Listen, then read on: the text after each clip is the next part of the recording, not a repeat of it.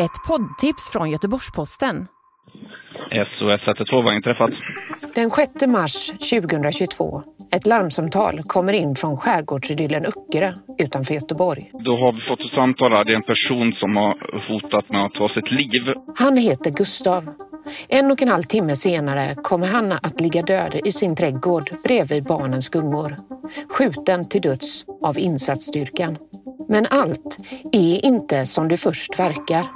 Man ser på honom att han försöker fly. Min känsla är att de försöker mörka ganska mycket. Vi eh, uttalar oss inte i enskilda ärenden. Hans anhöriga ska inte behöva leva med att han attackerade polismännen med yxa då. Den övriga utredningen pekar ju på att det de har skrivit är sant.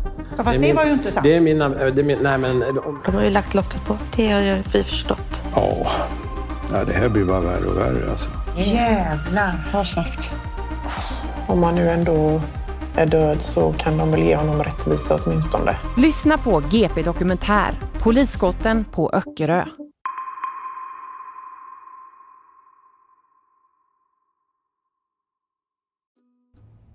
Idag är det två veckor sedan jag kom hit. 2018, på en gård någonstans ute på den småländska landsbygden sitter en ensam ung kvinna och skriver i sin dagbok. Jag vet inte vad som ska hända med mitt liv. Allt är bara en lång väntan. Har en ny sosseutredning på Demilio också. Jag ångrar honom inte, men han förtjänar så mycket mer och bättre. Jag är orolig att han inte kommer att förstå varför jag lämnade Nico på det här sättet när han blir äldre. Att han aldrig kommer förstå vad jag blev utsatt för. Att han klandrar mig när jag bara ville hans bästa. Hon har bestämt sig. Hon ska göra allt i sin makt för att skydda sin son. Hon har gjort precis vad hon blivit tillsagd. Packat en barnvagn, lite kläder och lämnat allt bakom sig. Tagit hjälp av svenska myndigheter som lovat att skydda henne. Drygt ett år senare lever hon inte längre. Dödad av mannen som hon skulle skyddas ifrån.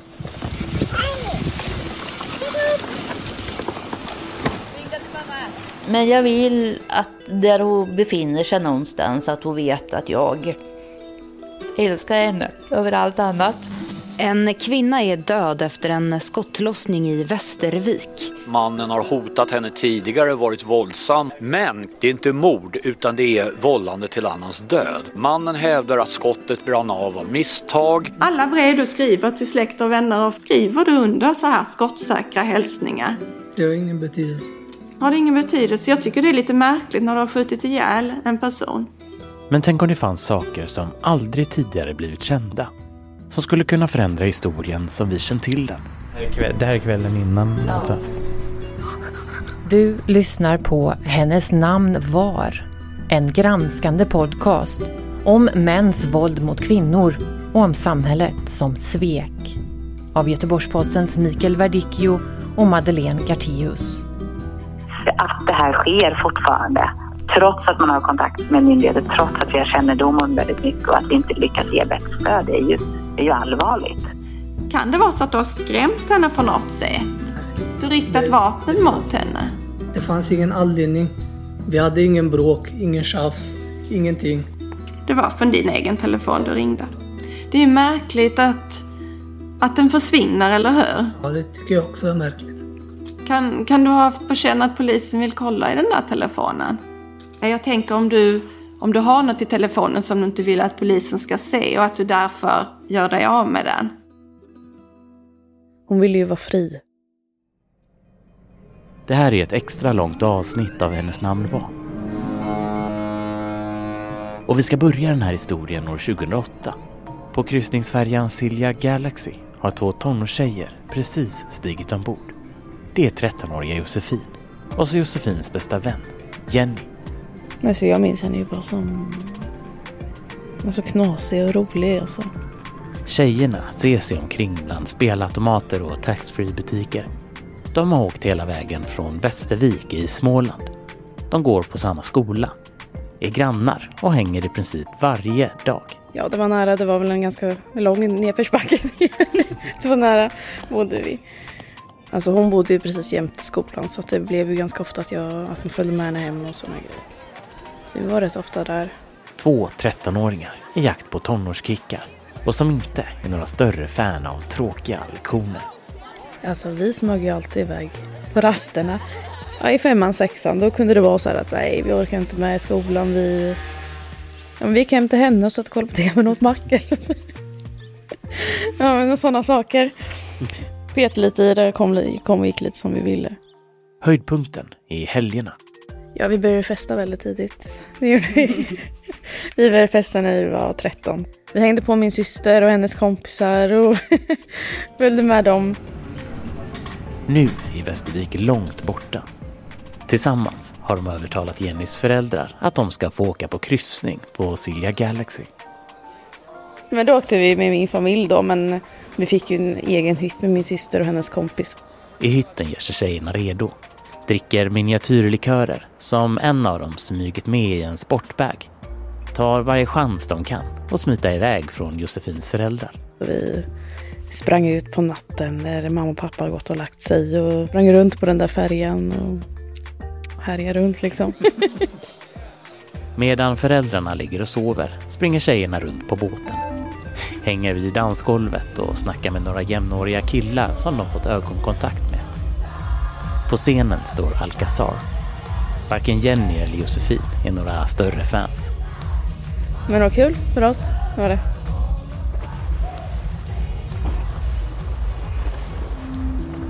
Medan en röst i högtalaren ropar att Josefin och Jenny ska komma till receptionen där två oroliga föräldrar väntar står de två vännerna för sig själva. Hon var väldigt så här eh, som ingen kunde bestämma över henne. Det gick inte. Det är bara Josefin och Jenny. Två vänner som tänker utforska världen tillsammans. Josefin den försiktiga. Och så Jenny den modiga. Väldigt snäll, alltså jättesnäll. Jag var lite galen så liksom var på det mesta. Jag var ganska orädd. Innan hon träffade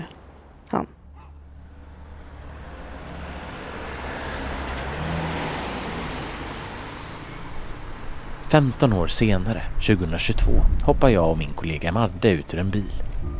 Nu står vi mitt i ett villaområde, bland äppelträd och rosenbuskar, i den lilla staden Västervik, utanför ett hus där en ung kvinna nyligen bodde.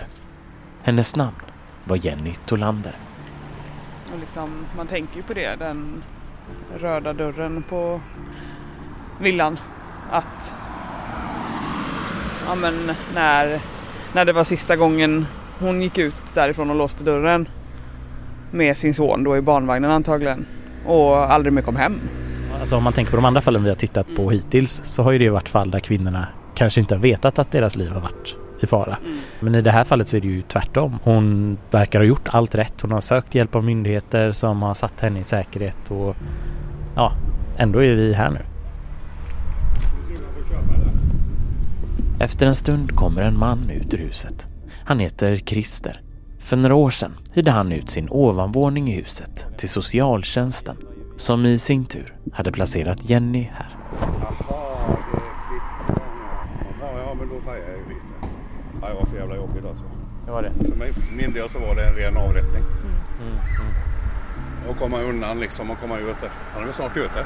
Mm. Så är det ju.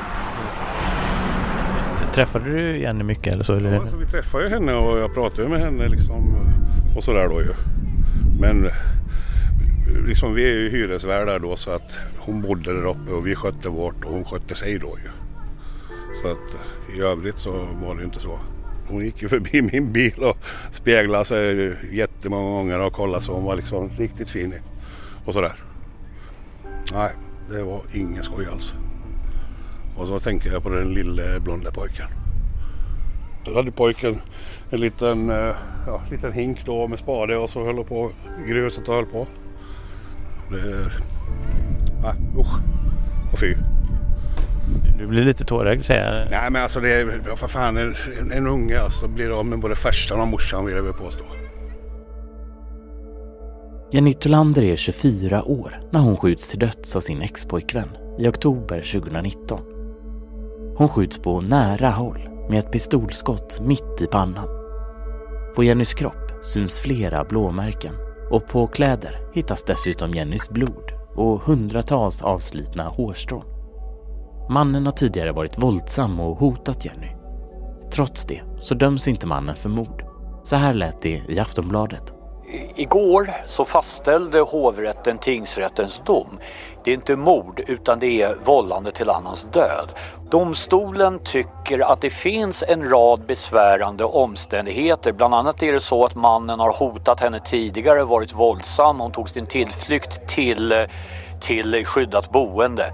Men konstaterar och mannen hävdar att skottet brann av av misstag. Jenny har levt på flykt och bor på ett delvis skyddat boende när hon skjuts. Men mannen döms till drygt sex års fängelse. I domstol hävdar han nämligen att pistolskottet i Jennys panna bara var en olyckshändelse. Och var exakt befann sig Jenny när du trycker av? I sängen, satt där på det stället som jag pekade. Mm. Mm. Avståndet var en två meter sa du? Ja, jag vet inte exakt. Så. Och då beskrev du att skottet går av. Du tappar pistolen visar du i alla fall på filmen, är det riktigt? Ja. Vad gör du sen? Jag fattar ju inte. Jag kollar ju runt omkring vad det är jag träffat. Jag fattade ju inte vad som hade hänt. Men om du har råkat skjuta som du säger, Jenny. Varför, varför tittar du inte till henne direkt? Som sagt, jag kanske har gjort det, jag kanske inte har gjort det. Men jag minns inte. I den, I den stunden var jag ju helt borta. Jag tänker om ni träffade mitt i pannan, hur kan du inte ha sett det? Vad är det för jävla straff?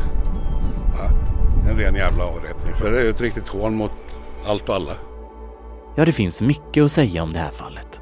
Straffet har upprört många i Västervik och resten av landet. Men det finns också en annan aspekt av den här historien som många tycks ha sett förbi. För innan Jenny skjuts så har hon gjort alla rätt. Sökt hjälp av svenska myndigheter som bedömt att hon varit utsatt för så akut fara att hon tvingats leva gömd.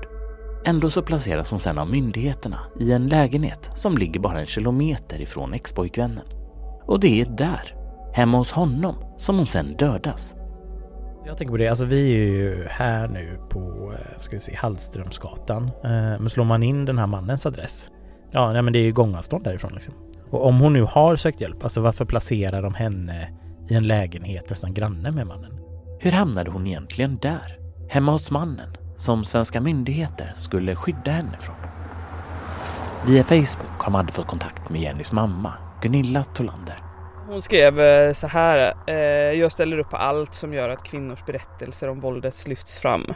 Och kram, kram från Gunilla.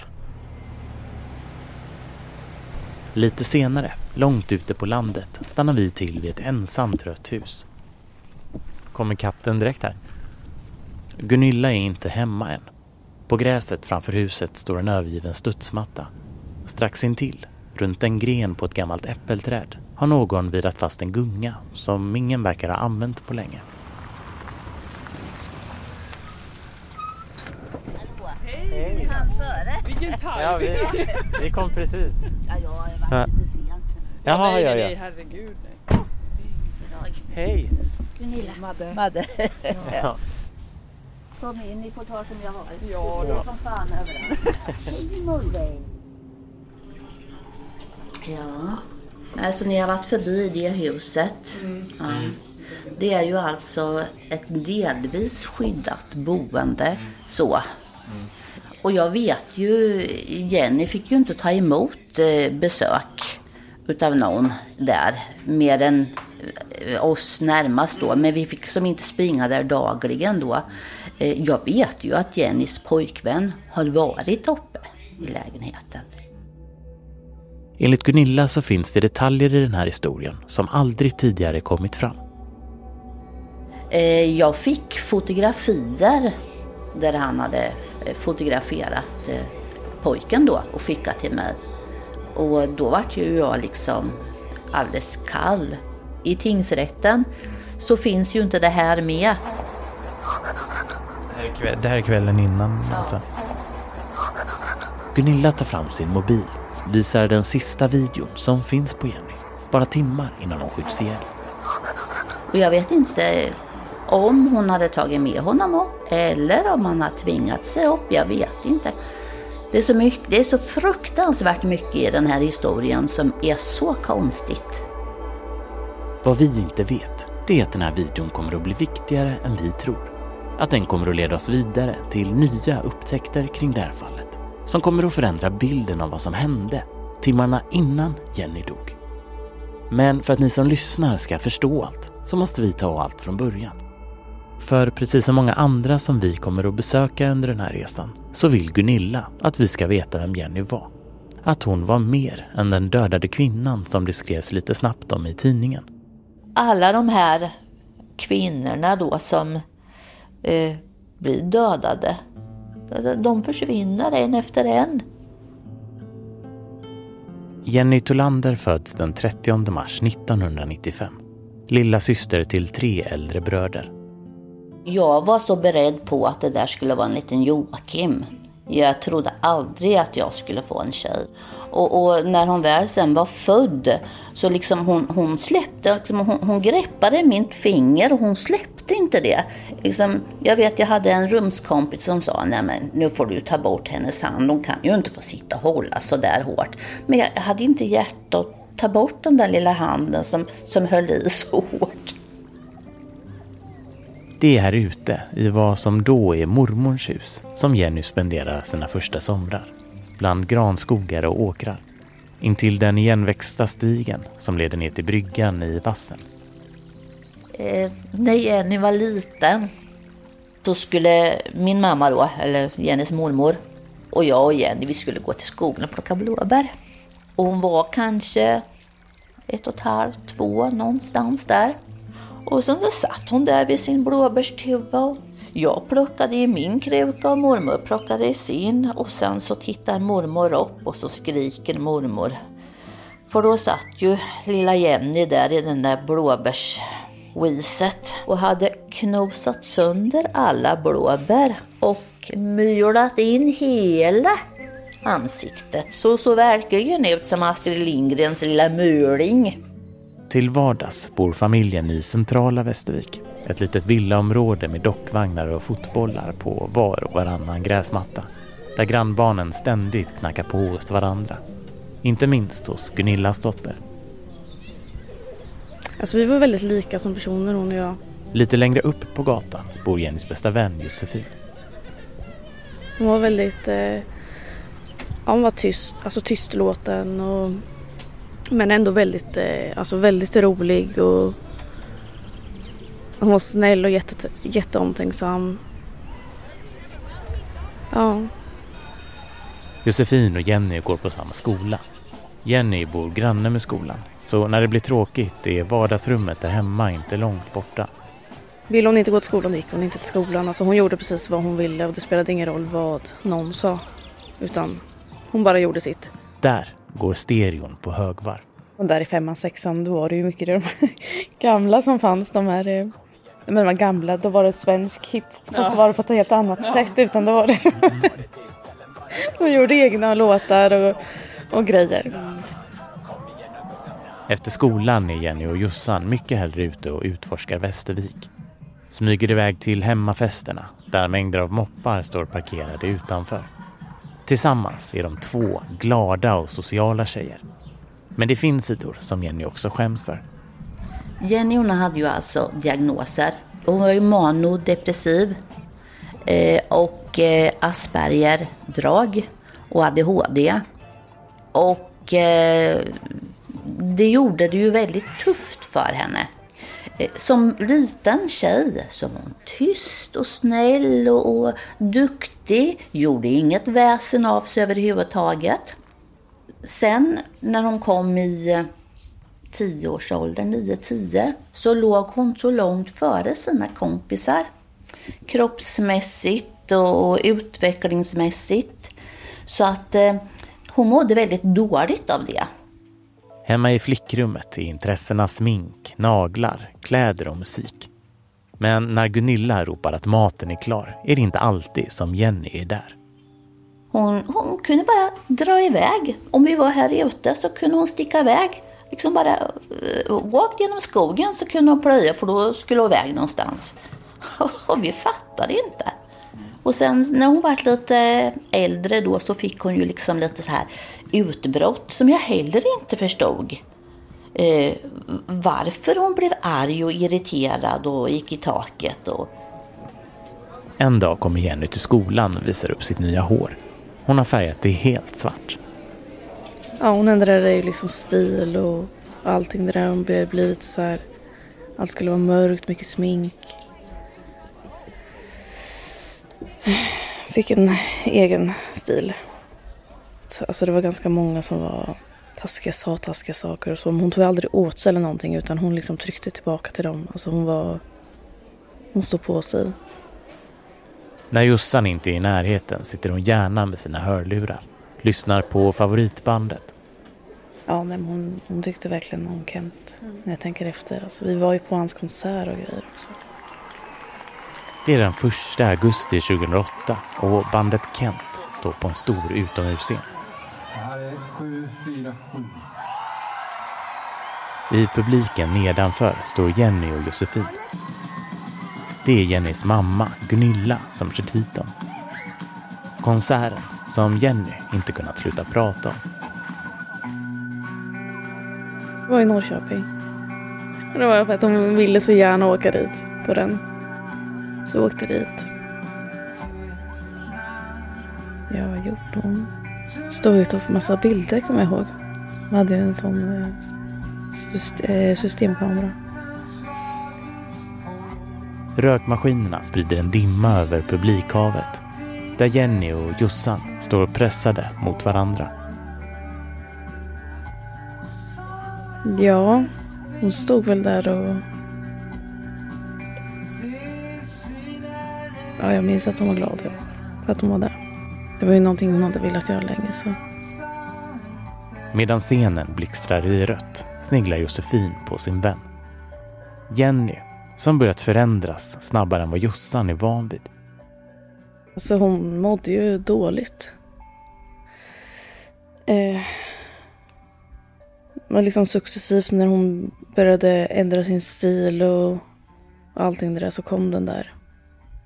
Jag vet inte om det var någon slags av... Eh, alltså att hon gömde sig lite bakom det kanske, jag vet inte.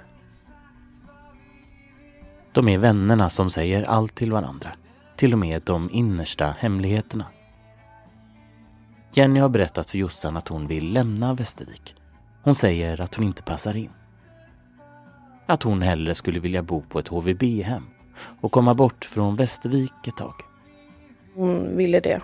Hon ville, alltså skönt att flytta från stan lite och komma härifrån och, och sådär.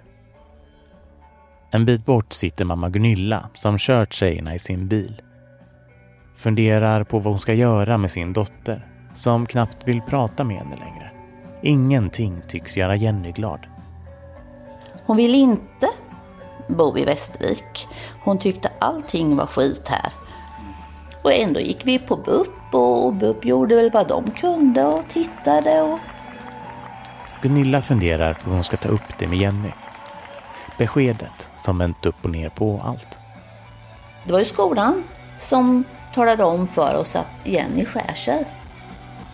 Eh, och, och då rasar ju hela världen liksom eh, att jag inte har sett och inte...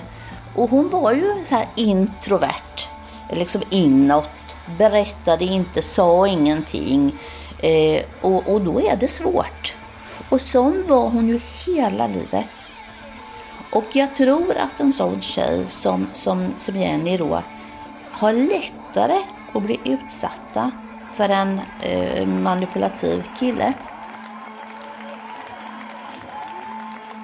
Vill du veta mer om Jenny? Gå in på gp.se hennes namn var. Det är sensommar år 2010. Hemma hos familjen Tolander står ett tomt flickrum nere i källaren. Innanför en garderobsdörr hänger en tonårstjejs kvarlämnade kläder. På väggarna planscher med tonårsidoler upptejpade. För mamma Gunilla har det känts ovanligt tomt hemma den senaste tiden. Som förälder till ett barn med, med diagnoser då, ja, som gör sig illa. Eh, en annan får ju känslan, liksom, vad tänker folk? För de som inte har några problem i världen kan aldrig i helvete fatta liksom vad en går igenom. Liksom, man kämpar och kämpar och kämpar hela tiden. Men som förälder då så tänker en, jaha, är det så att hon tror att det blir bättre att komma iväg så okej okay då. Det, det, alltså, det känns i mammahjärtat att skicka iväg någon. Eh, men jag tänkte att det får bli så. Och då var hon ju iväg på det här HVB-hemmet i uh, ungefär ett år. HVB-hemmet som 15-åriga Jenny bor på ligger ungefär en och en halv timme bort från Västervik. Men trots Gunillas oro har Jenny sagt att hon trivs. Man ringde upp och fick prata en liten stund med henne. Man fick komma upp någon gång då och då. Hon fick komma hem någon gång då och då. Hon arbets... Eh, hon eh, praktiserade på Kubus uppe i Linköping, för mig om. Och det gillade hon. Den senaste tiden har Jenny börjat prata allt mer om Västervik igen. Sagt att hon längtar hem. Hon har nämligen fått kontakt med en 14-årig kille. Och hon ville ju tillbaka till Västervik då eftersom han fanns här. Eh, den 15 oktober ringer han på våran dörr första gången. Och då ringde han på och frågade om han fick träffa Jenny. Killen bor med sin familj i en lägenhet bara några kilometer från familjen Tolanders hus. Vi kan kalla honom för Nikola, eller Nico. En liten... Eh, eh rädd kille. Lite mörk brunhårig, eh, eller brunögd kille. Lite, lite ängslig, lite rädd så. Jenny och Nico håller sig för sig själva. Men Gunilla är glad över att för en gångs skull se Jenny lycklig. Grannens flicka hade skaffat en, en spegel som var för stor så de fick inte in den i huset så de hade ställt den på, på, vid husväggen. Så när jag stod där i köket och lagade mat så kunde jag ju se där i spegeln när de satt på, på trappan och pussades. Så liksom, jaha, så sitter ner och pussas. Hur visste du det? det där var ett kul tycker jag. Även Jossan får träffa den nya killen. Väldigt så här, mjukis, eh, mjukiskläder, mjukisbyxor. och så här, ja, lite den stilen. Stora kläder liksom. Han var ju ung liksom och han, eh, han, var, rädd, han var rädd för min hund som liksom jätteliten och han var, ja, jag vet inte. Efter en månad då sitter jag uppe och tittar på TV i fåtöljen och skrattar och liksom, det var väl något oroligt. Och då kommer han uppfarandes för trappan och är så glad, så glad och säger nu är jag tillsammans med din dotter. liksom, han var så lycklig, så lycklig, så lycklig. Det, det, och liksom, det är den där eh, killen då som, man, som jag månade om den här pojken då som man ville att det skulle gå väl för. Men så såg man ju sen också de här tendenserna, avens eller svartsjuka eller det här liksom, tittar du på den killen nu? Eller, eh, eh, eh, och, och, och vad gjorde du nu? Eller vem, vem pratar du med på Facebook? Och, alltså, det kom lite då och då och vi försökte på alla sätt och vis att prata med honom då. Om vi och till exempel åkte i bilen och Jenny vände på huvudet och tittade åt och, och det kom och gick en kille, kanske med en hund eller bara kom och gick någon. Alltså man kan ju vända sig och titta utan att direkt titta på folk. Men direkt så anklagade han henne då för att eh, glo på andra killar. Sen att han tittade på andra tjejer, det var inte samma sak. Jenny är 15 år när hon börjar gymnasiet i Västervik. Hon går en linje där hon läser om bland annat styling och makeup. Jossan går i en annan klass, så det är först efter skoltid som de ses. Men det är inte längre som förut. För allt eftersom tiden går blir Jenny allt svårare att få tag på. I början var det väl lite bättre. Det blev ju successivt värre hela tiden. Ja, någonstans där första året eller in på andra året. Det var ju då jag märkte att hon inte hade kvar sin telefon. Det är nästan alltid Nico som svarar i Jennys telefon när Jossan ringer. Det är ytterst sällan som hon lyckas få tag på Jenny. Och till och med när Jossan bestämmer sig för att boka in en träff för bara tjejerna hemma hos sig så dyker Nico upp. Sågs ja. ni här? Ja, men det gjorde vi. Vi sågs här hemma. Och då var ju han med också. Mm. Hur, ofta, hur ofta var han med? Han var med varje gång. Men eh, sen började vi ju ses ute. Eh, och det var då han började gå liksom bakom, en liten bit bakom. Han hade hela tiden koll. Mm. Eh, ja. Du kände lite, kommer du ihåg den känslan liksom? När... Ja, så jag tyckte det var jätteirriterande. Jättejobbigt. Och jag blev nästan lite sur på henne liksom för att hon inte sa åt honom. Men nu efterhand så förstår jag liksom att hon att hon orkade inte ta konflikten med honom. Det gjorde hon inte. Det är ganska sällan som Jenny och Jossan går på fester numera. Tjejerna som tidigare åkt på kryssningar, konserter och varit mittpunkten på en del av Västerviksfesterna sitter numera för sig själva i ett hörn. Nico är alltid i närheten. Ibland när han går på toa händer det att Jenny viskar saker om deras förhållande i Jossans öra. När Nico kommer tillbaka låtsas hon som ingenting. Om han inte tyckte om någonting hon gjorde så kunde han väl gå och hålla på det tills de kom hem. Och där blev det storbråk liksom? Ja, precis. Mm.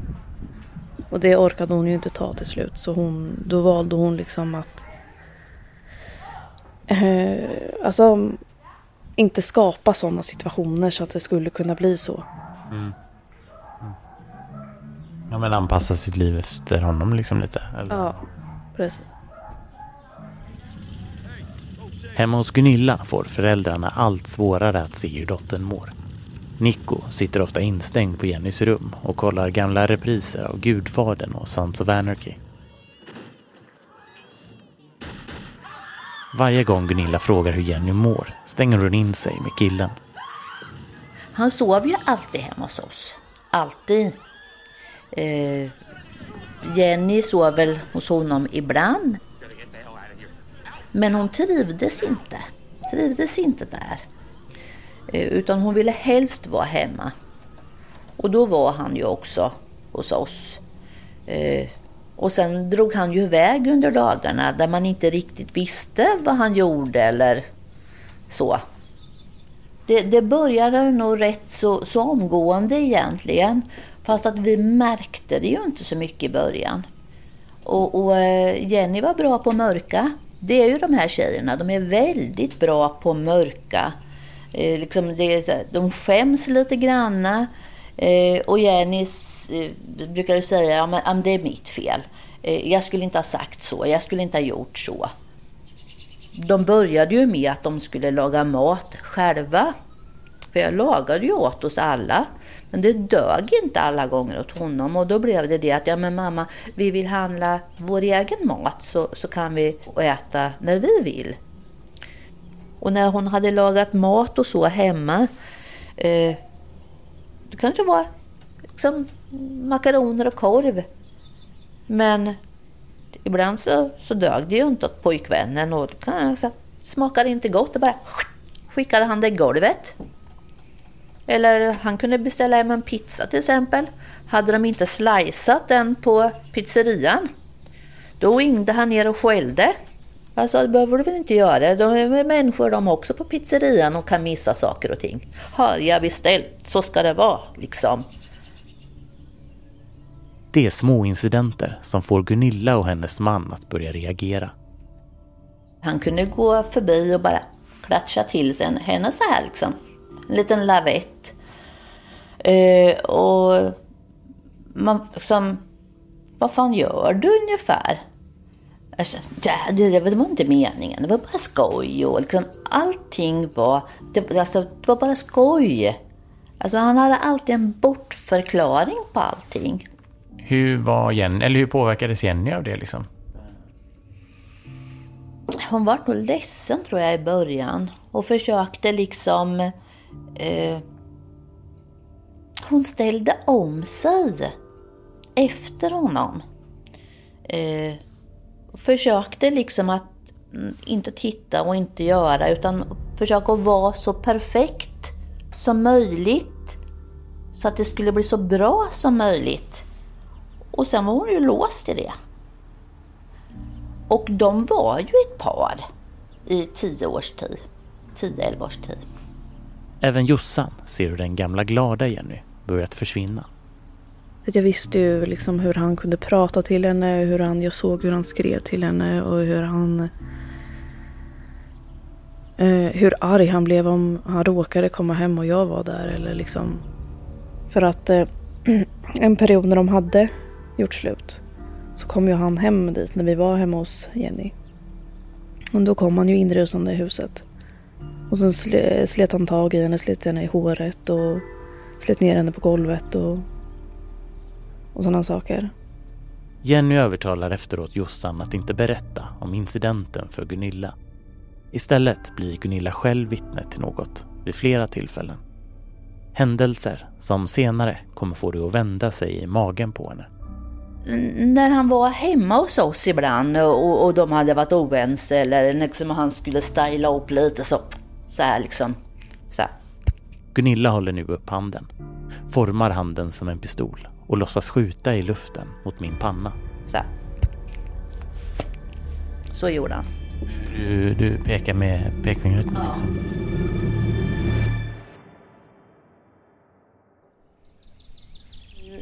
Där nere vid eh, Asklunden.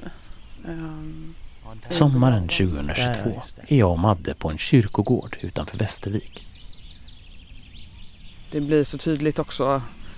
Medelåldern är ju 70-80. Och så Jenny. Det passar liksom inte in riktigt.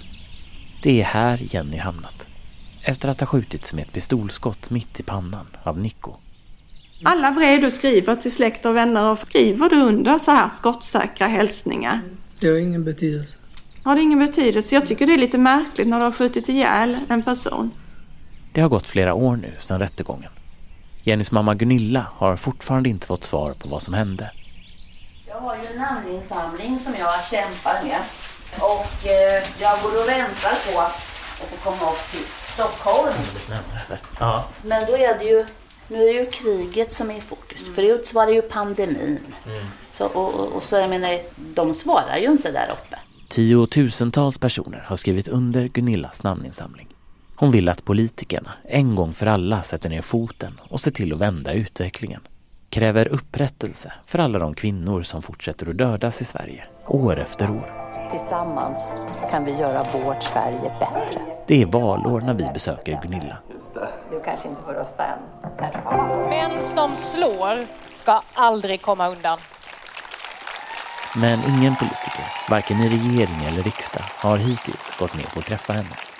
Jag kan ju inte bara liksom lägga mig ner och dö för att de inte eh, tar emot mig just nu där uppe. Men Gunilla har inte gett upp. Säger att det hon fortfarande kan göra är att berätta historien om hennes dotter Jenny. Vi är nu tillbaka i tiden igen. Det är början på 2017. Jenny och Nico har bott hemma hos familjen Tolander i snart åtta år nu. Ingen av dem har något jobb. Ibland händer det att Nico har pengar. Men vart de kommer ifrån vet inte Gunilla. Samtidigt märker hon att Jenny är olycklig. Man berättade för henne då liksom att ja, men du är världens vackraste tjej liksom. Men hon upplevde sig som ful och tjock och äcklig jämt och ständigt, vad man än sa liksom. Sa, sa han något sånt till henne liksom? Tryckte han ner henne? Oh ja, oh ja, det gjorde han. Gjorde han det framför er? eh? Ja, då, gjorde han. Att hon var hora, att hon var fet och ful och kunde komma ut och så kunde han säga jag ska knulla din mamma. Och då Jenny kunde säga, men, men, vad säger du för någonting? Min mamma står här, så kan du inte säga. Och sen i nästa minut så säger ja jag menade ju inte det där, jag älskar ju dig och ja. 2017 i februari sätter Arne och jag ner foten. Då bodde vi fortfarande i Västervik. Då hade Arnes eh, narkotikaklassade mediciner börjat att försvinna. Jenny tog ju på sig att det var hon som hade tagit det här. Hon, hon sa att hon hade tagit 60 stycken och sen hade hon spytt upp dem. Och jag sa det, Arne får bara ta en sån. Han är ju liksom yrkeschaufför. Och jag menar, alltså när han bara får ta en, då har ju inte hennes kropp klarat 60 stycken. Det är ju liksom bullshit. Och, och då, då satte jag och Arne ner foten. Och det är klart att när vi säger ifrån då, då flyttar ju Jenny hem till honom och hans mamma och lillebror. Jenny och Nico flyttar hem till lägenheten där Nicos mamma och hans sexårige lillebror bor. Hur Jenny har det hemma hos Nicos familj vet inte Gunilla. Hon hör knappt någonting från dottern på flera månader. Han tog ju alltid hennes mobil. Så det var ju jättesvårt att nå Jenny. Och ringde man så var det alltid han som svarade på hennes mobil. Och hon hör ju av sig då med jämna mellanrum och, och frågar om jag kan följa med och handla. Eh, lite granna då. Hur, hur går det till? Eller? Ja, ja, då eh, hade hon ju inga pengar till mat och så och cigaretter och då undrade hon ju då om jag skulle iväg och handla så hon kunde få följa med och jag kunde köra. För det var väl hennes sätt att komma iväg ut. Hon var ju så låst. Hon fick ju inte komma och gå när hon ville. Han säger att hon fick det. Men det fick hon inte. All, hela hans familj sa nej men sån var inte han. Men hon var ju alltså avskärmad. Hon fick inte, helst skulle hon ju inte träffa oss. Och helst fick hon inte träffa sin bästa kompis, den enda kompisen hon hade.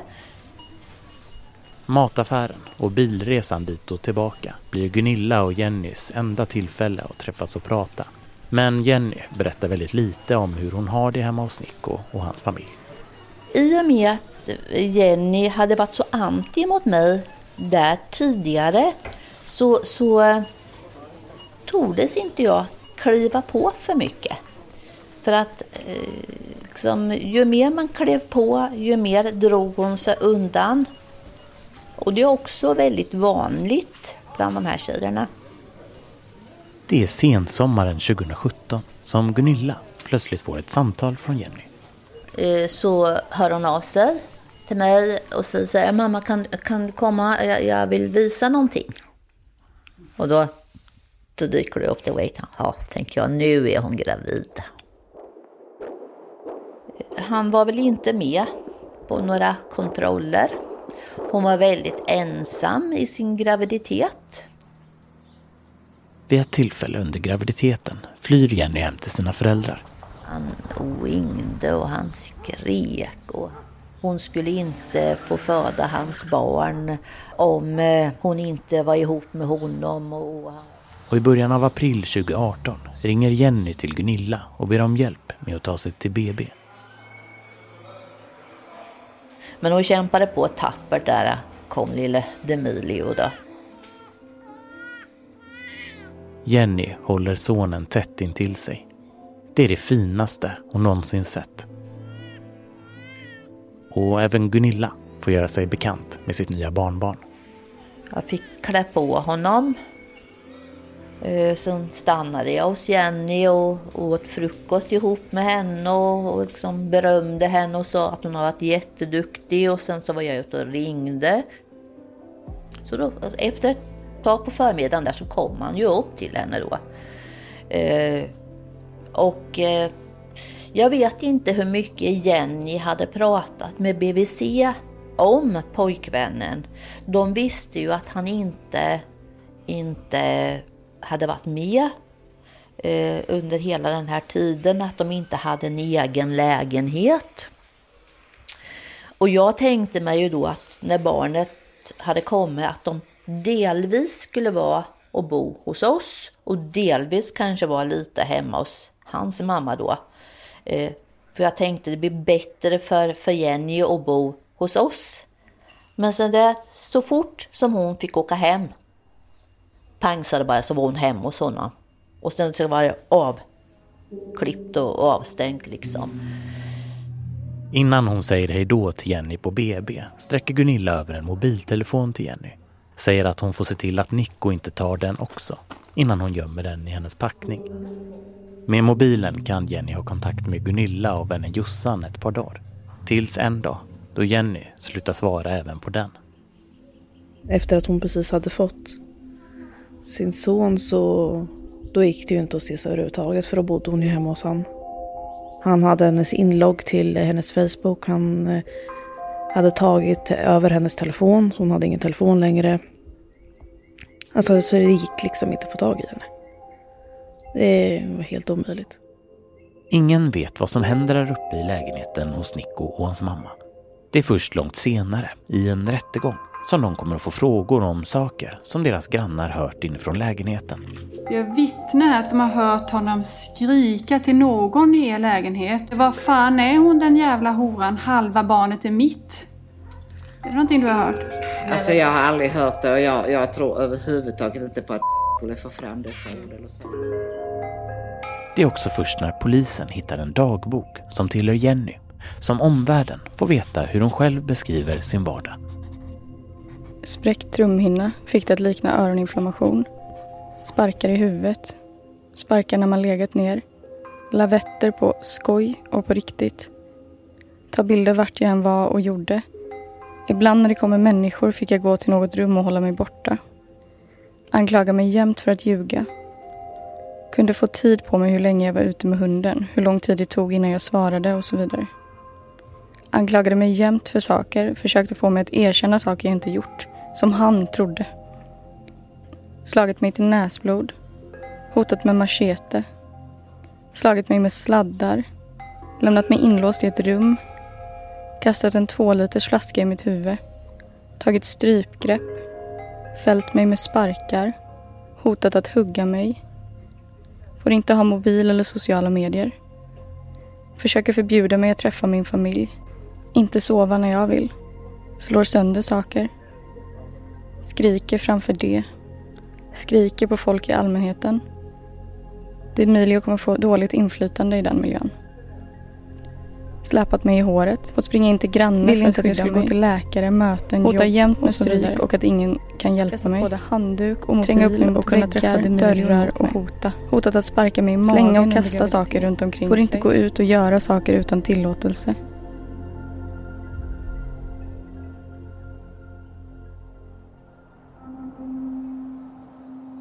9 juli 2018.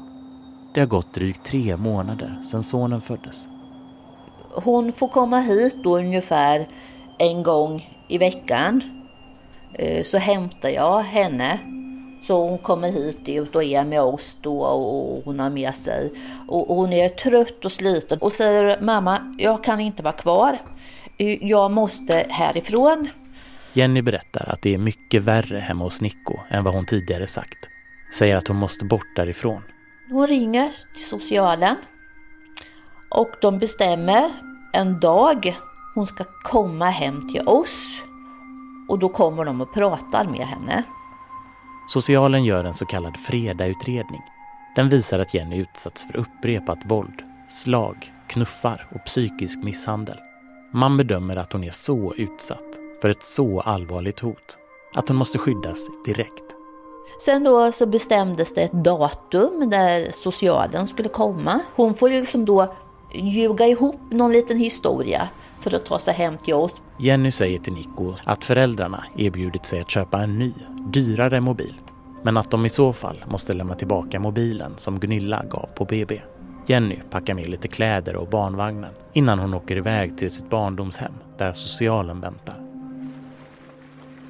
Där får hon säga hejdå till sina föräldrar. Innan hon försvinner bort i socialtjänstens bil. Och vi visste ju inte, inte alls vart hon kom. Inte ett dugg visste vi. Och uh, usch, det var hemskt. Eh, samtidigt så, så visste jag att Jenny behövde lugn och ro i sin diagnos och, och med pojken och samtidigt då som det var fruktansvärt tufft för att då, då skulle hon ju lita och träffa på helt vilt främmande människor. Det, det är fruktansvärt tufft.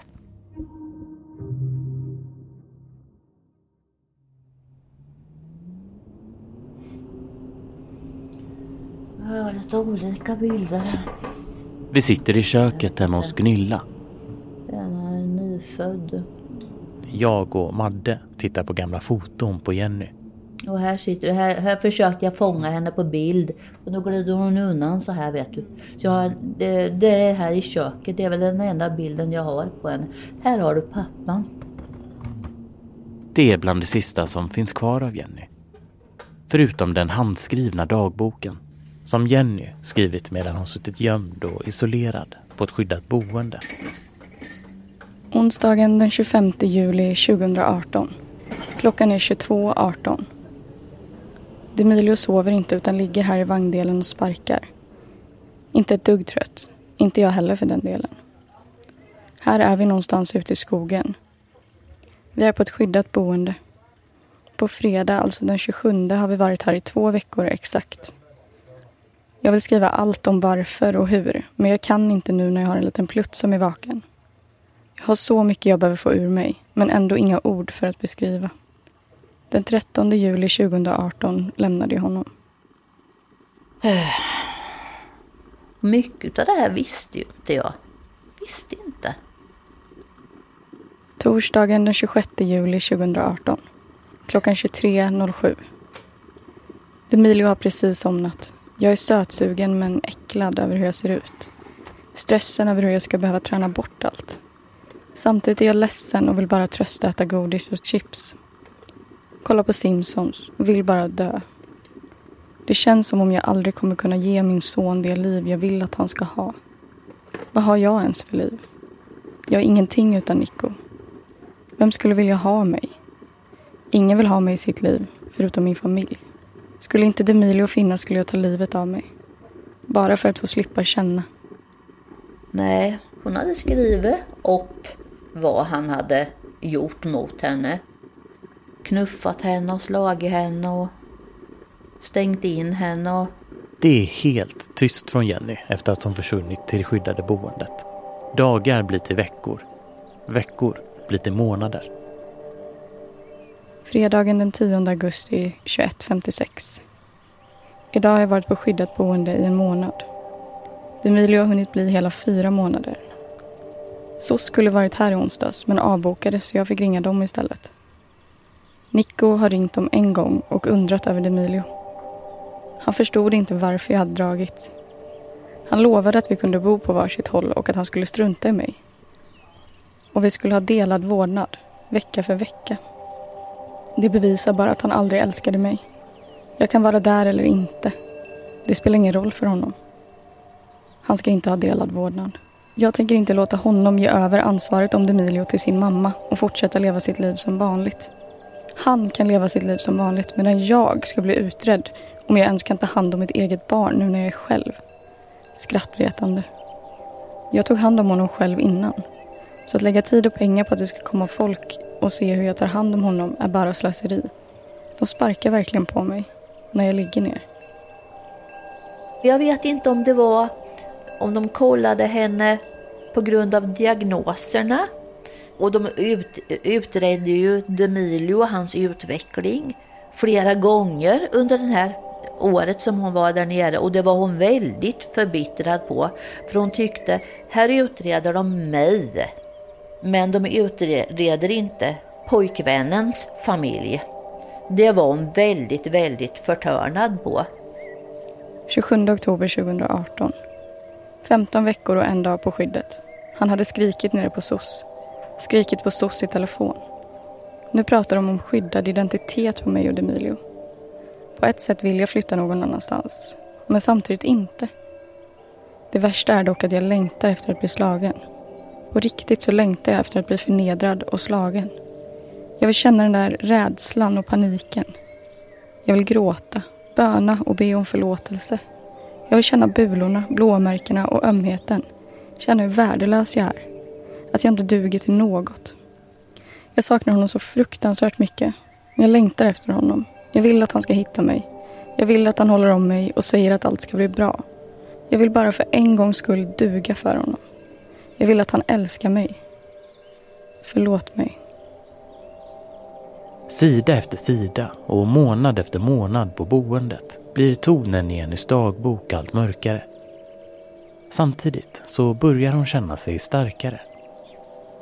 Och det är nu sommaren 2019, när Jenny suttit ensam på boendet i nästan ett år, som socialtjänsten i Västervik tillsammans med Jenny kommer att ta ett ödesdigert beslut.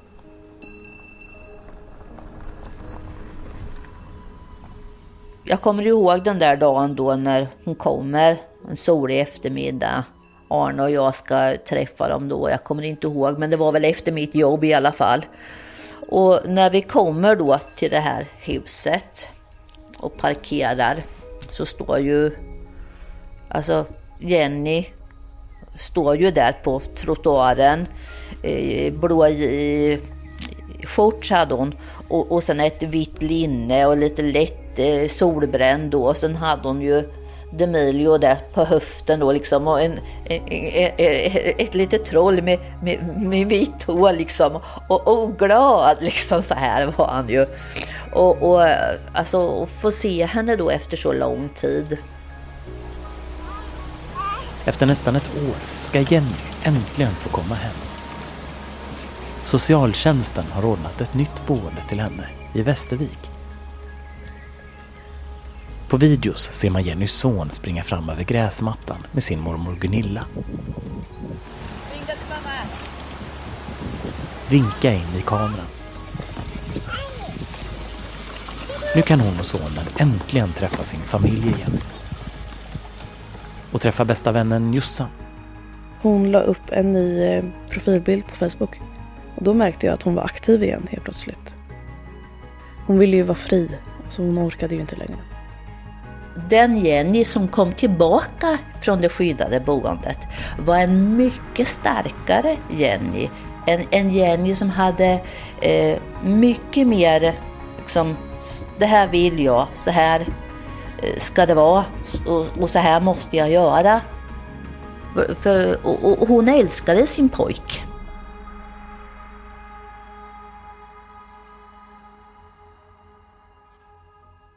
Det är Västerviks kommun som väljer att flytta tillbaka Jenny Tolander till Västervik. Från ett skyddat boende till en lägenhet bara en kilometer ifrån mannen som hon ska skyddas ifrån. Hur resonerar det egentligen socialtjänsten? Det här är något som vi vill fråga dem om. Hej, du har kommit till familjeenheten, Västerviks kommun. Ta ditt meddelande. Hejdå. Hej Martin, det var Madeleine på Göteborgs-Posten igen. Eh, Du får jättegärna ringa tillbaka till mig när eh, du hör det här. Okej, du ringde honom, han har inte svarat. Eh, och sen, men du har också mejlat. Vad, vad fick du för svar där? Ja, Då fick jag bara svara att de har diskuterat våran förfrågan och kommit fram till att de avböjer att medverka. Hej Madeleine, vi har diskuterat er förfrågan och framkommit till att vi avböjer att medverka i den intervjun ni efterfrågar. Ja, Västerviks socialtjänst vill alltså inte svara alls. Delar av svaren kommer vi istället få när vi lyssnar på en av socialsekreterarna ifrån rättegången. Efter Jennys död. Eh, jag blev tilldelad som socialsekreterare utifrån att eh, det blev på gång där att eh, Jenny skulle flytta ifrån det skyddade boendet och att då fanns det en oro kring hur det här skulle bli och hur hon skulle kunna skydda sitt barn så utifrån ja, den problematik som har varit hade hon varit på, på skydd under ganska lång tid. Mm. Skydda sitt barn från vad då? Från våld. Mm. Vad känner du till om anledningen till att Jenny befann sig på skyddat boende? Att hon var våldsutsatt. Mm. Det var, Vet du vad Jenny tyckte om att bo på det här skyddade boendet? Eh, I slutskedet där så, eller under den processen som jag var inne så var hon ju väldigt trött på att bo på det sättet. Mm. Hon hade bott där i nästan ett år kom hon att göra. Kan man säga något om den tiden? Alltså det som jag tänker i det var att hon var ju helt isolerad under ja, nästan ett helt års tid. Mm. Hon hade inte några kontakter med, med yttre kontakter så. Mm. Hade Jenny någon funktionsnedsättning? Ja, som jag förstår det så hade hon ju det.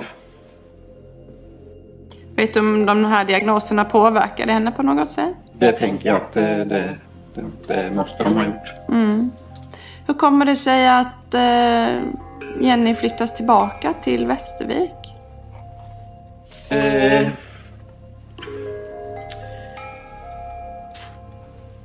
Ja. Det är en svår fråga känner jag. Jag, vet, jag kan inte riktigt svara på hur det... Man gjorde väl en, någon bedömning där att, eh, att det, det var det som var hennes önskan att kunna komma tillbaka till Västervik. Mm. Och med ett, eh, ett skyddspaket så, så bedömdes det som Mm. Så det var Jennys egen önskan att flytta tillbaka till Västervik då? Mm. Och med visst skydd gick socialtjänsten med på det säger du då? Mm. Jag tänker lite, du berättar om Jennys funktionshinder och att de påverkade henne och så. Kunde Jenny ta ansvar för det beslutet själv och flytta tillbaka till Västervik? Jag menar, kunde hon se hela bilden? Hade hon de förmågorna? Nej, jag skulle säga att hon inte hade det. Mm. Efter att ha levt skyddad i nästan ett år hamnar nu alltså Jenny på gångavstånd från Nico. För oss så låter det här helt orimligt. Varje år placeras mer än 6 500 vuxna och över 6 000 barn på skyddade boenden runt om i Sverige. De flesta är kvinnor. Mammor som flyr med sina barn från en våldsam man. Men tanken med ett skyddat boende är inte att man ska bo där för alltid. Vi har ju sett exempel på att man är placerad på ett skyddat boende, man bedömer att det finns risk för våld, men att den våldsutsatta sen inte ser någon annan lösning än att flytta tillbaka till den som utsätter den för våld. Eh, och i våra fall så har det lett till att personen sen har dödats. Ni som lyssnat på de tidigare avsnitten minns säkert experten Moa Mannheimer på Socialstyrelsen. Hon har i tio års tid nu, i rapport efter rapport, skrivit till regering och myndigheter vad som behöver göras för att minska det dödliga våldet mot kvinnor. Hon säger att även om det finns kvinnojourer och akutboenden så är det många kommuner som inte vet vad de ska göra med kvinnorna efter det. Nej, de allra flesta kommuner säger att de, inte, de har inte bostäder att erbjuda, de har, utan det, de, det, man ger, det man kan ge är liksom listor på vilka privata värdar finns till exempel, vad, kan, vad får du vända dig själv och så. så att, eh, jag tror de flesta kommuner säger att vi har inga sådana förutsättningar. Eh, men det är ju en fråga om liksom, resurser, ekonomi och så. Och man behöver också ha ett system för det som funkar. Bostadsbrist och dålig planering från socialtjänstens sida gör att kvinnor och barn som sökt hjälp istället hålls isolerade på skyddade boenden alldeles för länge utan någon hjälp med en långsiktig lösning. Och det här är något som Socialstyrelsen informerar politiker och myndigheter om. År efter år, utan att samhället löser det. Jag tror att de som jobbar inom socialtjänsten med problemet mycket väl känner till svårigheten med det. Och att man gör det man tycker sig kunna. Och samtidigt så är det så väldigt central del för att man ska kunna ta sig ur den här situationen och bli skyddad. Så det är, det är ett, det är ett väldigt liksom, konkret exempel på en insats som är så väldigt, väldigt viktig. Och samtidigt svår i ett samhälle när bostäder är dyra, tillgången på bostäder är låg. Men det är egentligen inget konstigt då, ja, som du beskriver, alltså att man, man hamnar på ett skyddat boende men inte ser någon annan utväg än att flytta tillbaka. Mm. Ja, tyvärr.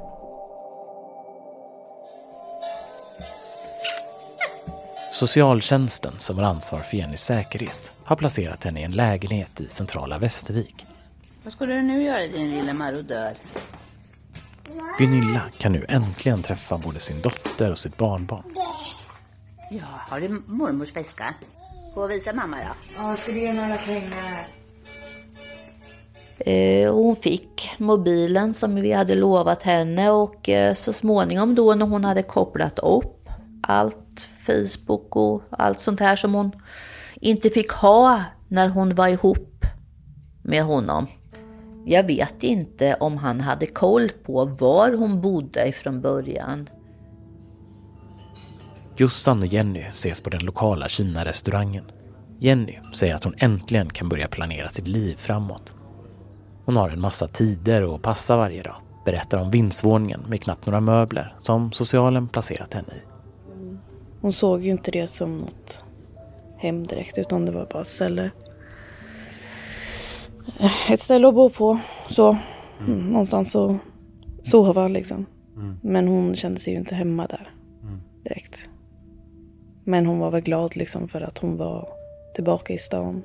Men hon tyckte ju inte om det där att hon kände sig övervakad. På kvällarna när det är mindre folk i rörelse passar Jenny på att vara ute med sin son. Alldeles i närheten finns det en liten lekplats. Och det är här som Nico plötsligt dyker upp en dag. Hon vill ha en egen lägenhet. Eh, hon vill ha ensam vårdnad om eh, Demilio. Hon var ju bestämd att hon skulle inte vara ihop eh, med pojkvännen då. Men sen kom väl de där känslorna. Nico bor fortfarande hos sin mamma, bara några hundra meter bort. Han vill träffa sin son och lovar att allt ska bli som förut. Veckor senare får Jossan veta att Jenny tänkt ge Nico en sista chans. Att det kanske skulle gå att lösa allt. Det hade gått eh, ja, en och en halv månad ungefär innan hon berättade det. När hon berättade där att hon hade börjat träffa honom igen, liksom, vad, vad tänkte du då? Ja, det var klart att jag kände oro, att jag var rädd för att det skulle bli likadant igen och att han skulle... Alltså, nu, alltså när jag såg att hon hade jobbat upp sig så mycket och blivit så stark i sig själv igen och allting så var jag rädd för att han skulle bryta ner henne igen och det är klart, men eh, jag sa det till henne också samtidigt så jag kunde inte bestämma över vad hon skulle göra. Det är i Västerviks stadspark som de två vännerna ses. När Jossan går här idag så är det särskilt två minnen som etsat sig fast. Det ena minnet är att vi går på den här vägen här. Eh, och så frågade jag henne om hon trodde att eh, skulle kunna döda henne. Och då svarade hon bara att hon inte visste. Alltså det har satt sig ganska hårt i mig. Sen det andra är precis här, mellan de här träden typ. Det var sista gången jag såg henne. Då sa vi hej då här. Hon gick ditåt och gick ditåt. Några dagar senare ser Jossan på Instagram att Jenny tagit bort Nikos namn från sin Insta-bio. Jossan tar kontakt med Jenny och får veta att hon och Nico gjort slut. Det är nu kvällen den 7 oktober 2019. Jo, men jag minns att vi pratade om... Eh, jag vet inte, det var någonting som var jobbigt för mig liksom så att jag satt, vi satt och pratade om det och... Det var ju efter att hon... Eh, för att jag frågade ju henne hur, hur hon mådde och allting. Eftersom att jag såg att de hade tagit bort varandras namn och... Men hon sa att det var bra. Eh, att vi kunde prata mer eh, när vi sågs. Så frågade hon hur jag mådde och sen så berättade jag lite och så. Men jag minns bara att det, sista hon sa, alltså det absolut sista hon skrev till mig var att eh, allting kommer att bli bra och att jag är starkare än vad jag tror. Det var liksom hennes sista ord.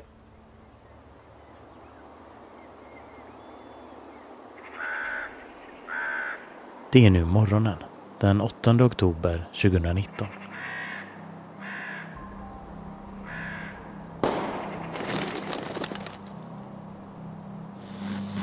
En kvinna är död efter en skottlossning i Västervik. Larmet om skjutningen kom in klockan halv elva på tisdags förmiddagen och den här kvinnan ska ha blivit skjuten i en lägenhet i Västervik. Hon skadades svårt och fördes till sjukhus där hon senare avled av sina skador. Jag var och tränade. Så runt 11 då kom jag ihåg att jag såg en, en ambulans som svängde in med så här blåljus och allting. Men jag tänkte liksom inte så mycket mer på det. Sen efterhand har jag typ fattat att det är samma tid och allting. I lägenheten kunde polisen gripa en man som nu misstänks för mord. Polisen vill inte uttala sig vad det gäller detaljer kring det här fallet men de säger att offret och gärningsmannen ska vara bekanta med varandra. Det är en bekant som ger beskedet till Jossan att hennes vän är död. I realtid läser hon om sin bästa vän på Aftonbladet och på Flashback. Välkomna till Rapport. Men några svar om vad som hänt kommer inte. Månader senare sitter hon istället i en rättssal. Det är Nico som skjutit ihjäl Jenny med ett skott mitt i pannan hemma hos honom, där även hans mamma befunnit sig. När man är åtalad för ett brott så har man först rätt att få berätta själv. Så jag tänkte, tänkte ställa den frågan till dig. Vill, vill du själv berätta först vad det är som har hänt? Det som hände är att vi vaknade. Familjens version är att Jenny ska ha kommit hem till dem frivilligt dagen innan. Man hävdar att de varit där på ett födelsedagskalas för Nickos bror och att stämningen varit trevlig. Men den sjunde här, det är ju brorsans födelsedag. Kan du, kan du berätta om den dagen? Ja, min mamma skulle laga mat. Jenny skulle komma med barnet. Och när kom Jenny och Demilio till dig? Jag minns inte vilken tid det var, men det var kanske på eftermiddagen. Mm. Hur var hon i humöret då? Normalt, vanligt. Hon var inte ledsen eller något. Nej. Det var middag sa du? Ja. Mm. Hände det något annat särskilt hemma? Nej, det var väl som vanligt. Mm. Vi åt säkert. Enligt Nico är stämningen på kalaset så bra att Jenny bestämmer sig för att stanna hela kvällen och sen sova över. Det är dagen efter som han skjuter ihjäl henne. Vi vaknade. Jenny skulle gå och göra sina ärenden. Jag skulle gå och göra mina ärenden. Tog fram mina kläder. Tog fram mitt vapen för jag skulle gå ut och bära bort den hemifrån då. Sen skulle jag kolla så att vapnet var säkrat och drack på avtryckaren. Och jag träffade Jenny som satt där i sängen då. Sen gick jag ut, ropade på min mamma när jag väl såg vad som hände och ringde ambulansen. Jag försökte ringa ambulansen också och göra liksom, allt gick ju så snabbt för mig. Jag förstod ju inte vad som hade hänt. Och var exakt befann sig Jenny när du trycker av? I sängen, satt där på det stället tummen pekade. Mm. Mm. Du tappar pistolen visar du i alla fall på filmen, är det riktigt? Ja. Vad gör du sen? Jag fattar inte. Jag kollar ju runt omkring vad det är jag träffat. Jag fattade inte vad som hade hänt. Men om du har råkat skjuta som du säger, Jenny. Varför, varför tittar du inte till henne direkt? Som sagt, jag kanske har gjort det, jag kanske inte har gjort det. Men jag minns inte. I den, st- i den stunden var jag ju helt borta. Jag tänker om ni träffade mitt i pannan, hur kan du inte ha sett det?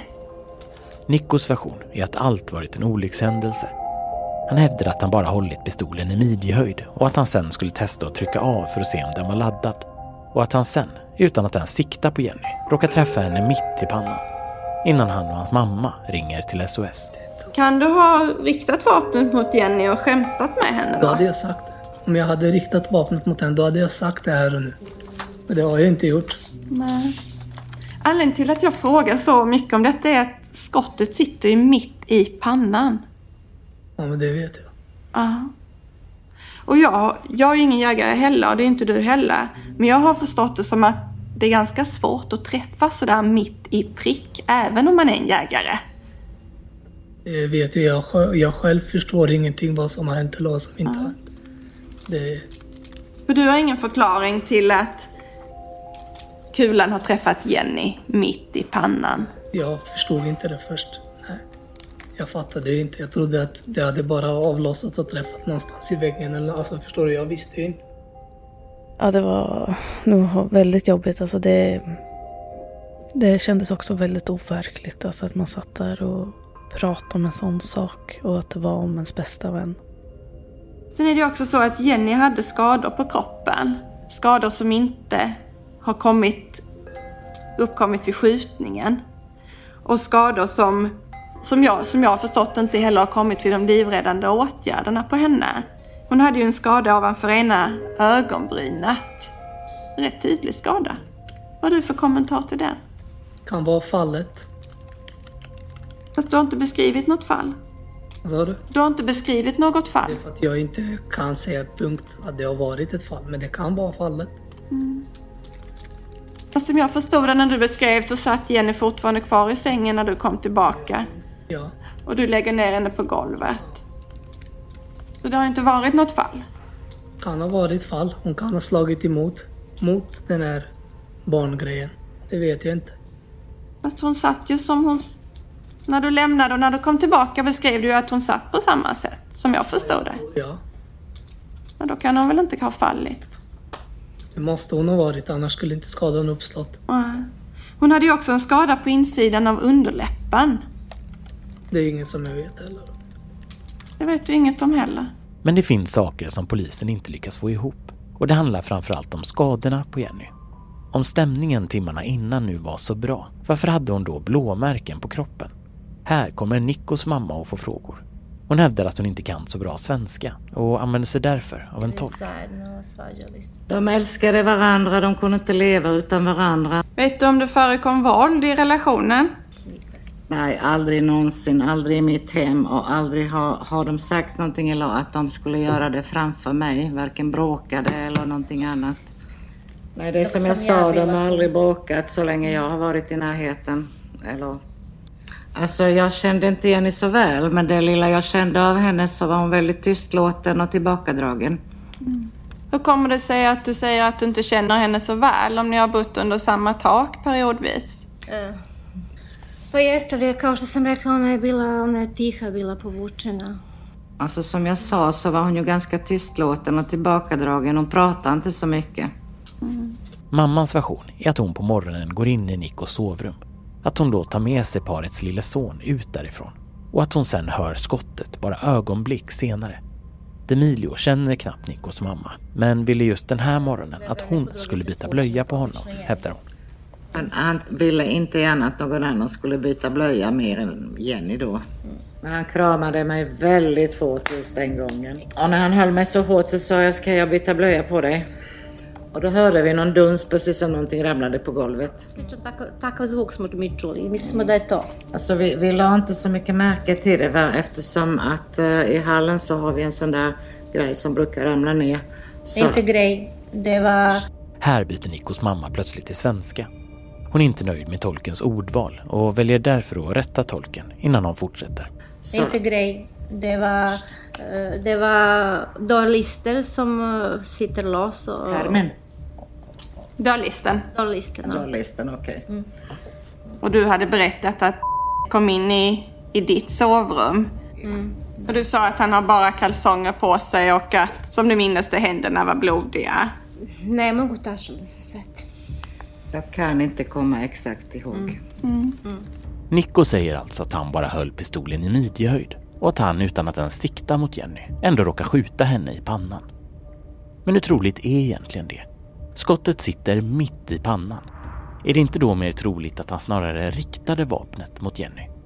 Det här är en linje som åklagaren kommer att driva. För när hon gått igenom de första förhören med Nikos mamma och även med Nikos bror så framkommer det nämligen att Nico ska ha sagt något väldigt speciellt till dem. Ord som enligt åklagaren tyder på att han medvetet siktat mot Jenny. Kommer in i sovrummet och säger jag har dödat Jenny. Eller om han sa att han hade skjutit Jenny. Jag minns inte vilket av det han sa. Mer än att hon minns att hon svarade honom va? Och då sa han det igen och sa jag bara skojade. Visste inte att det var laddat. Kommer jag inte ihåg.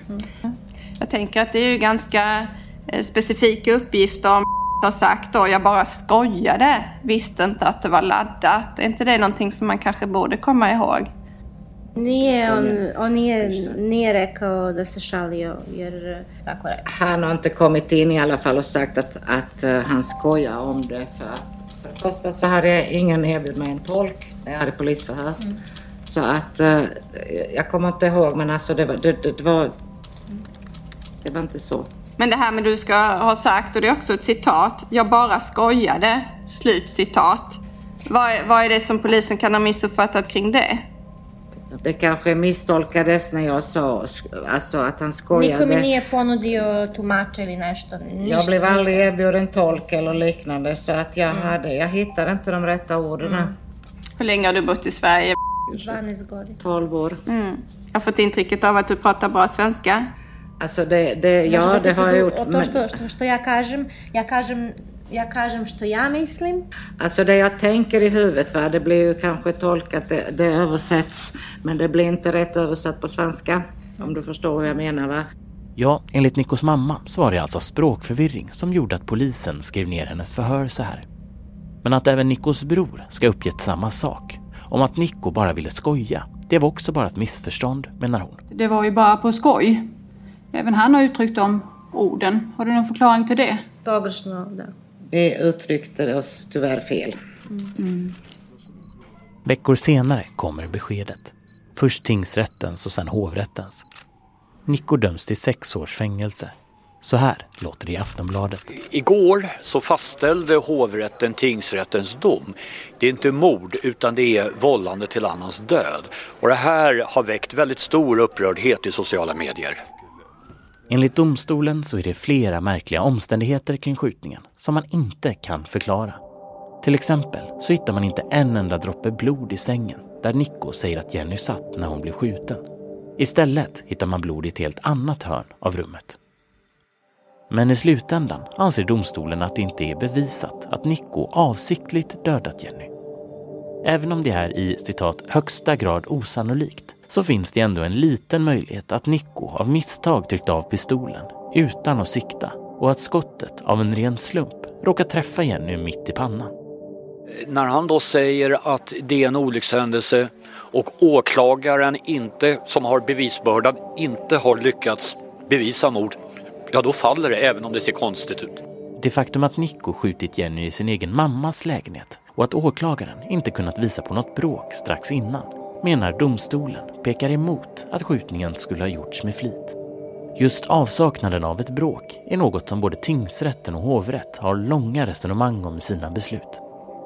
En domstol ska hellre fria än fälla, så Nico frias för mord. Han döms däremot för det som är bevisat, vållande till annans död. Och men jag blev eh, arg, alltså jag blev jättearg. Det var allt jag kände. Det var så, alltså, så slappt på något sätt. Och det här har ju väckt stora reaktioner eh, i sociala medier framför allt. Eh, vad säger du om det? Ja, det är inte förvånande. Eh, även hovrätten i den friande domen skriver, ska man eh, komma ihåg, att det finns ett antal väldigt, väldigt besvärande omständigheter mot mannen. Och andra... Det gäller ditt rum. Eh, där så har det ju gjorts en brottsplatsundersökning där förstås. Och då har vi ju hittat en tröja som visar sig vara Jennys. Som ligger på golvet. Den ligger ju under dammsugarslangen. Och den tröjan är blodig. Och det är ju Jennys blod på den. Hur kommer det sig? Jag vet inte så mycket. Jag var ju inte inne i rummet så mycket sen. Nej, men den ligger ju på golvet. I, inte där, där du har beskrivit att Jenny har befunnit sig. Det vet jag inte. För Jenny bor ju inte här utan hon kommer ju hem till dig den här eh, eftermiddagen innan säger du. Hur kan det komma sig att det ligger en blodig tröja på golvet som tillhör henne? Det har jag ingen aning kan det ha varit något bråk mellan er tidigare? Det har inte varit några bråk, ingen tjafs, ingenting. Mm. I anslutning till den här tröjan så ligger det också hår. Ett hundratal humana hårstrån. Hår från människa alltså. Och de här håren visar sig ju vara Jennys hår. Och NFC kan till och med säga att det är avslitet från hårrötterna. Kan ha kammat sig eller? Det vet jag inte. Ja, hundra hårstrå. Avslitna från huvudbotten. Har du någon fundering kring hur det kan komma sig? Nej.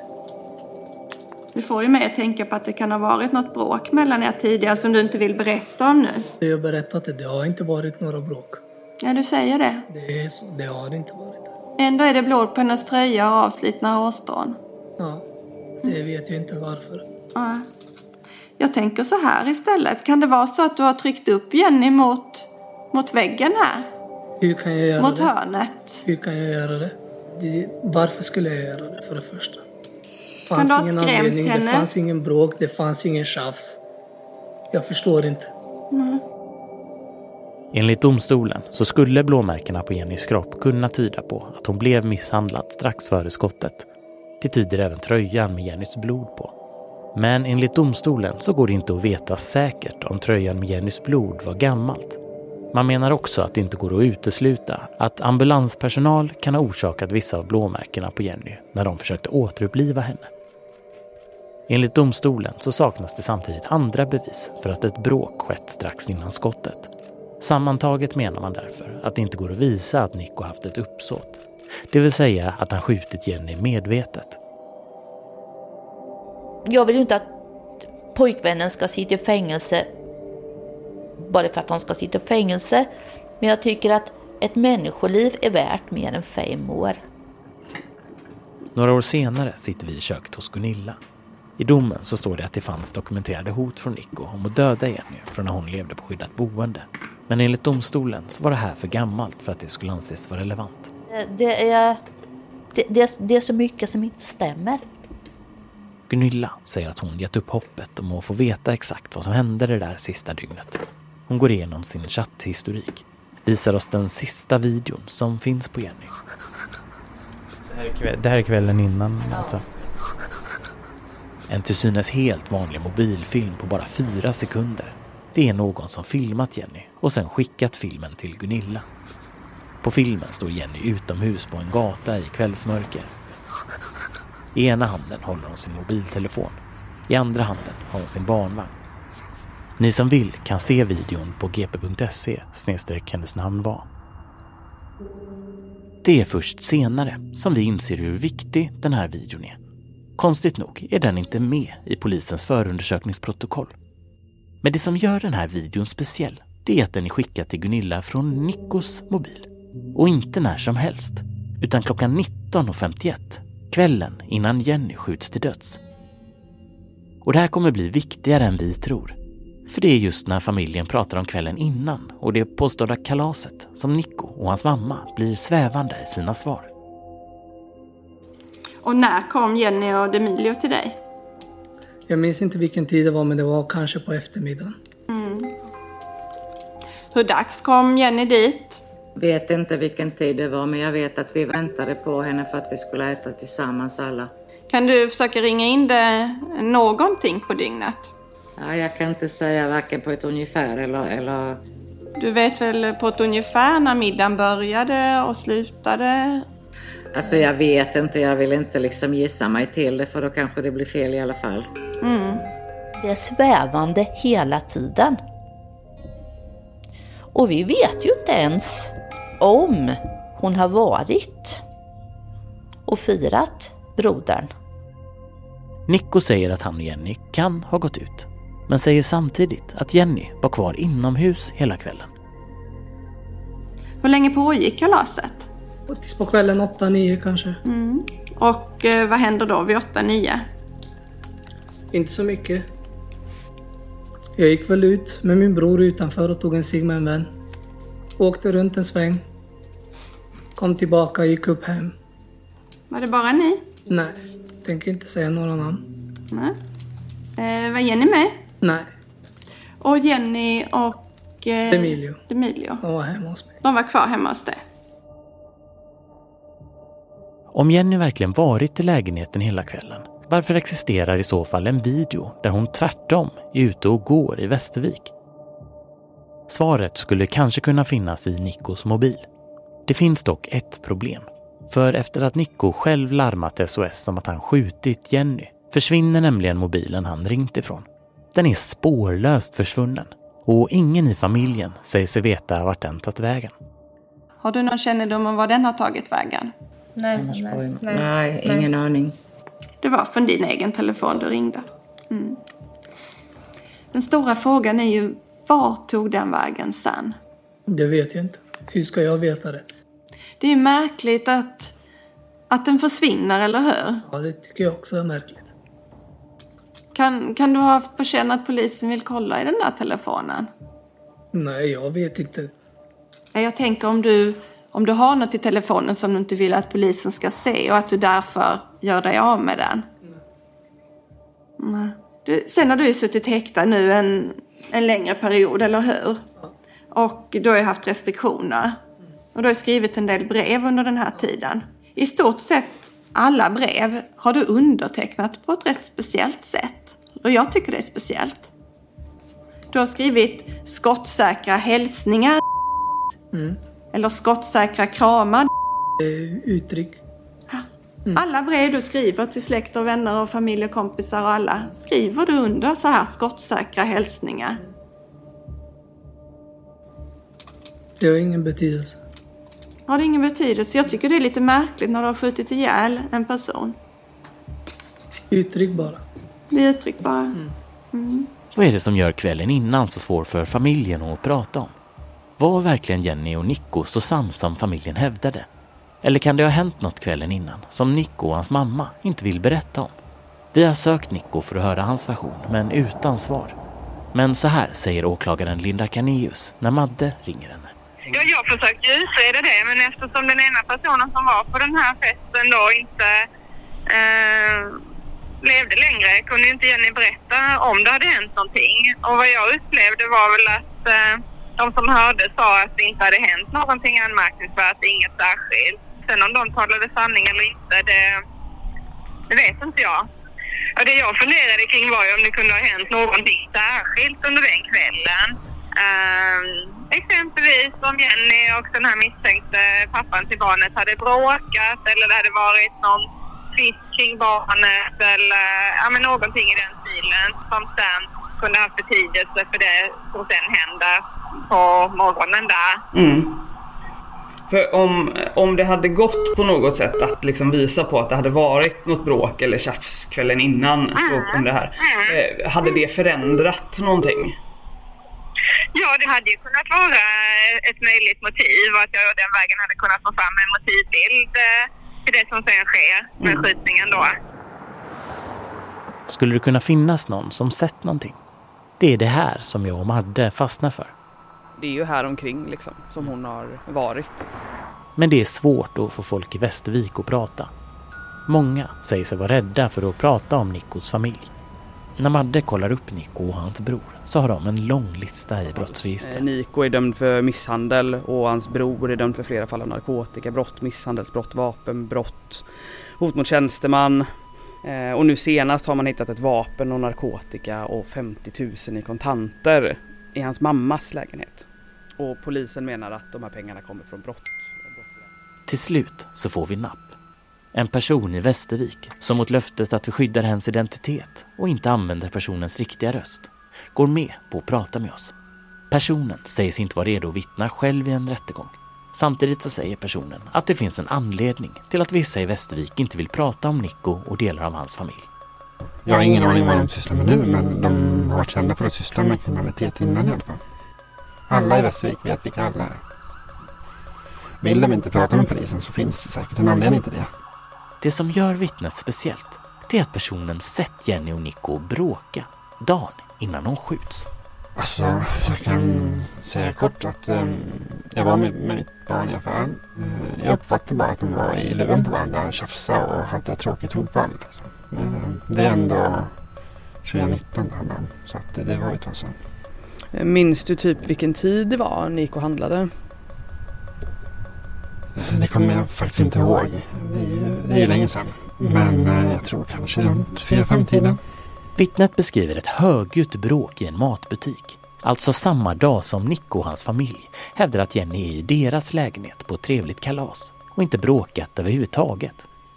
Det Kan du ha ingen skrämt anledning, henne? Det fanns ingen bråk, det fanns ingen tjafs. Jag förstår inte.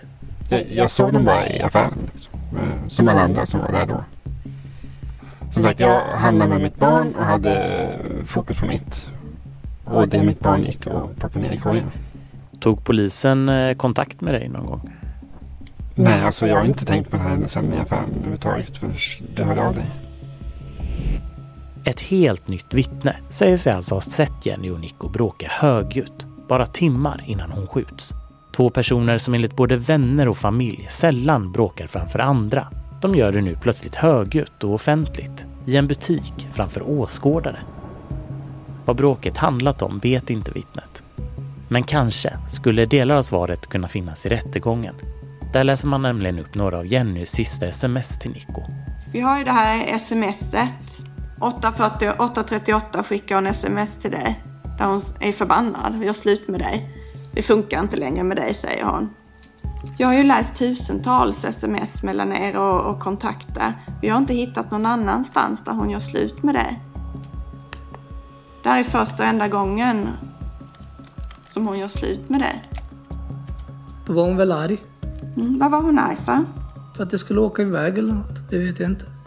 Hon hade väl fått höra från sin mamma eller från Josefin eller något. Att jag hade varit med någon annan tjej innan och såna här grejer. Det visar sig i rättegången att Nico har träffat en annan tjej. En tjej i Stockholm som han dessutom gjort gravid. Jag körde ju dubbelspel. Du gjorde det? Mm. Vi har ju läst eh, chattar. Och det visade sig ju där att du i september hade kontakt med och skrev att du älskar henne och vill leva med henne, ha barn ihop, bo ihop. Hon ska bli din fru, skriver du då. Och du skriver här om en li ett liv och en framtid med skriver du i september. Då undrar man ju om, om det kan vara så att du tyckte att Jenny var i vägen på något sätt. Nej. Nej. Ett högljutt bråk i en butik. Ja, precis. Mm, Kvällen, kvällen Mm. innan då. Ja, hade, hade vi haft de uppgifterna vid rättegången så hade jag ju velat ha den personen hörd. För det hade ju varit intressant uppgift om man kunde bevisa då eller visa att det var ett bråk kvällen före att hon blev skjuten nästa morgon. Mm. Alltså hade man nog kunnat visa att eh, ett ed säger att man har hört ett bråk och den misstänkte då säger att nej vi har inte ens varit utanför huset den kvällen. Mm. Då menar jag att tilltron till hans uppgifter eh, i stort kanske kan fråga, ifrågasättas då. Mm. Hade jag haft den uppgiften i förundersökningen så är det någonting som jag hade åberopat och lagt fram Mm. som eh, en omständighet som då skulle tala för att det här som skedde sen på morgonen har skett med, med uppsåt.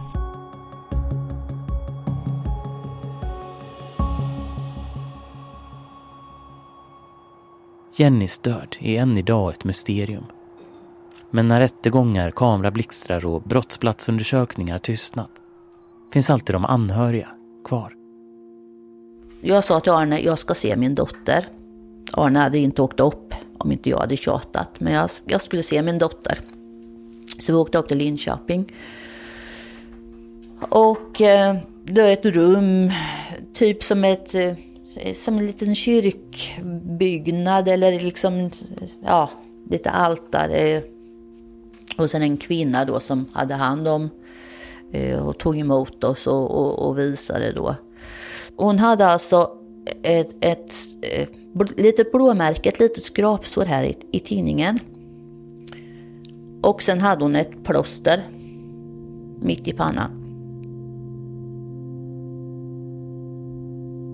Så jag stod, vi, var väl där eh, i ja, lite över en timme. och Jag stod väl hos Jenny i mestadels en timme och pratade med henne och höll hennes hand och, och klappade på henne och, och pussade på henne och ja, kände på håret och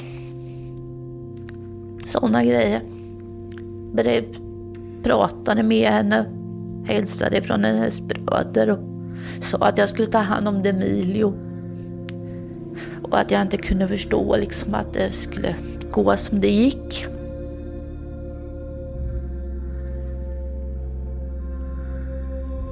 Jag, jag bad kvinnan som jobbade där att jag skulle få tre hårslingor av hennes långa hår. Eh, och hennes handavtryck och hennes fotavtryck. Eh, och eh, jag hade ju velat ha fotot som hon såg ut där och då, men det fick jag inte. Men hårslingorna och hand och fotavtryck har jag fått. De är inte jättebra hand och fotavtrycken, men det är hand och fotavtryck. Och, det är det, och hårslingorna då, det är, liksom, det, det är något som jag kan visa till Emilio den dagen han blir stor. Det är ju det enda fysiska som finns kvar av Jenny så.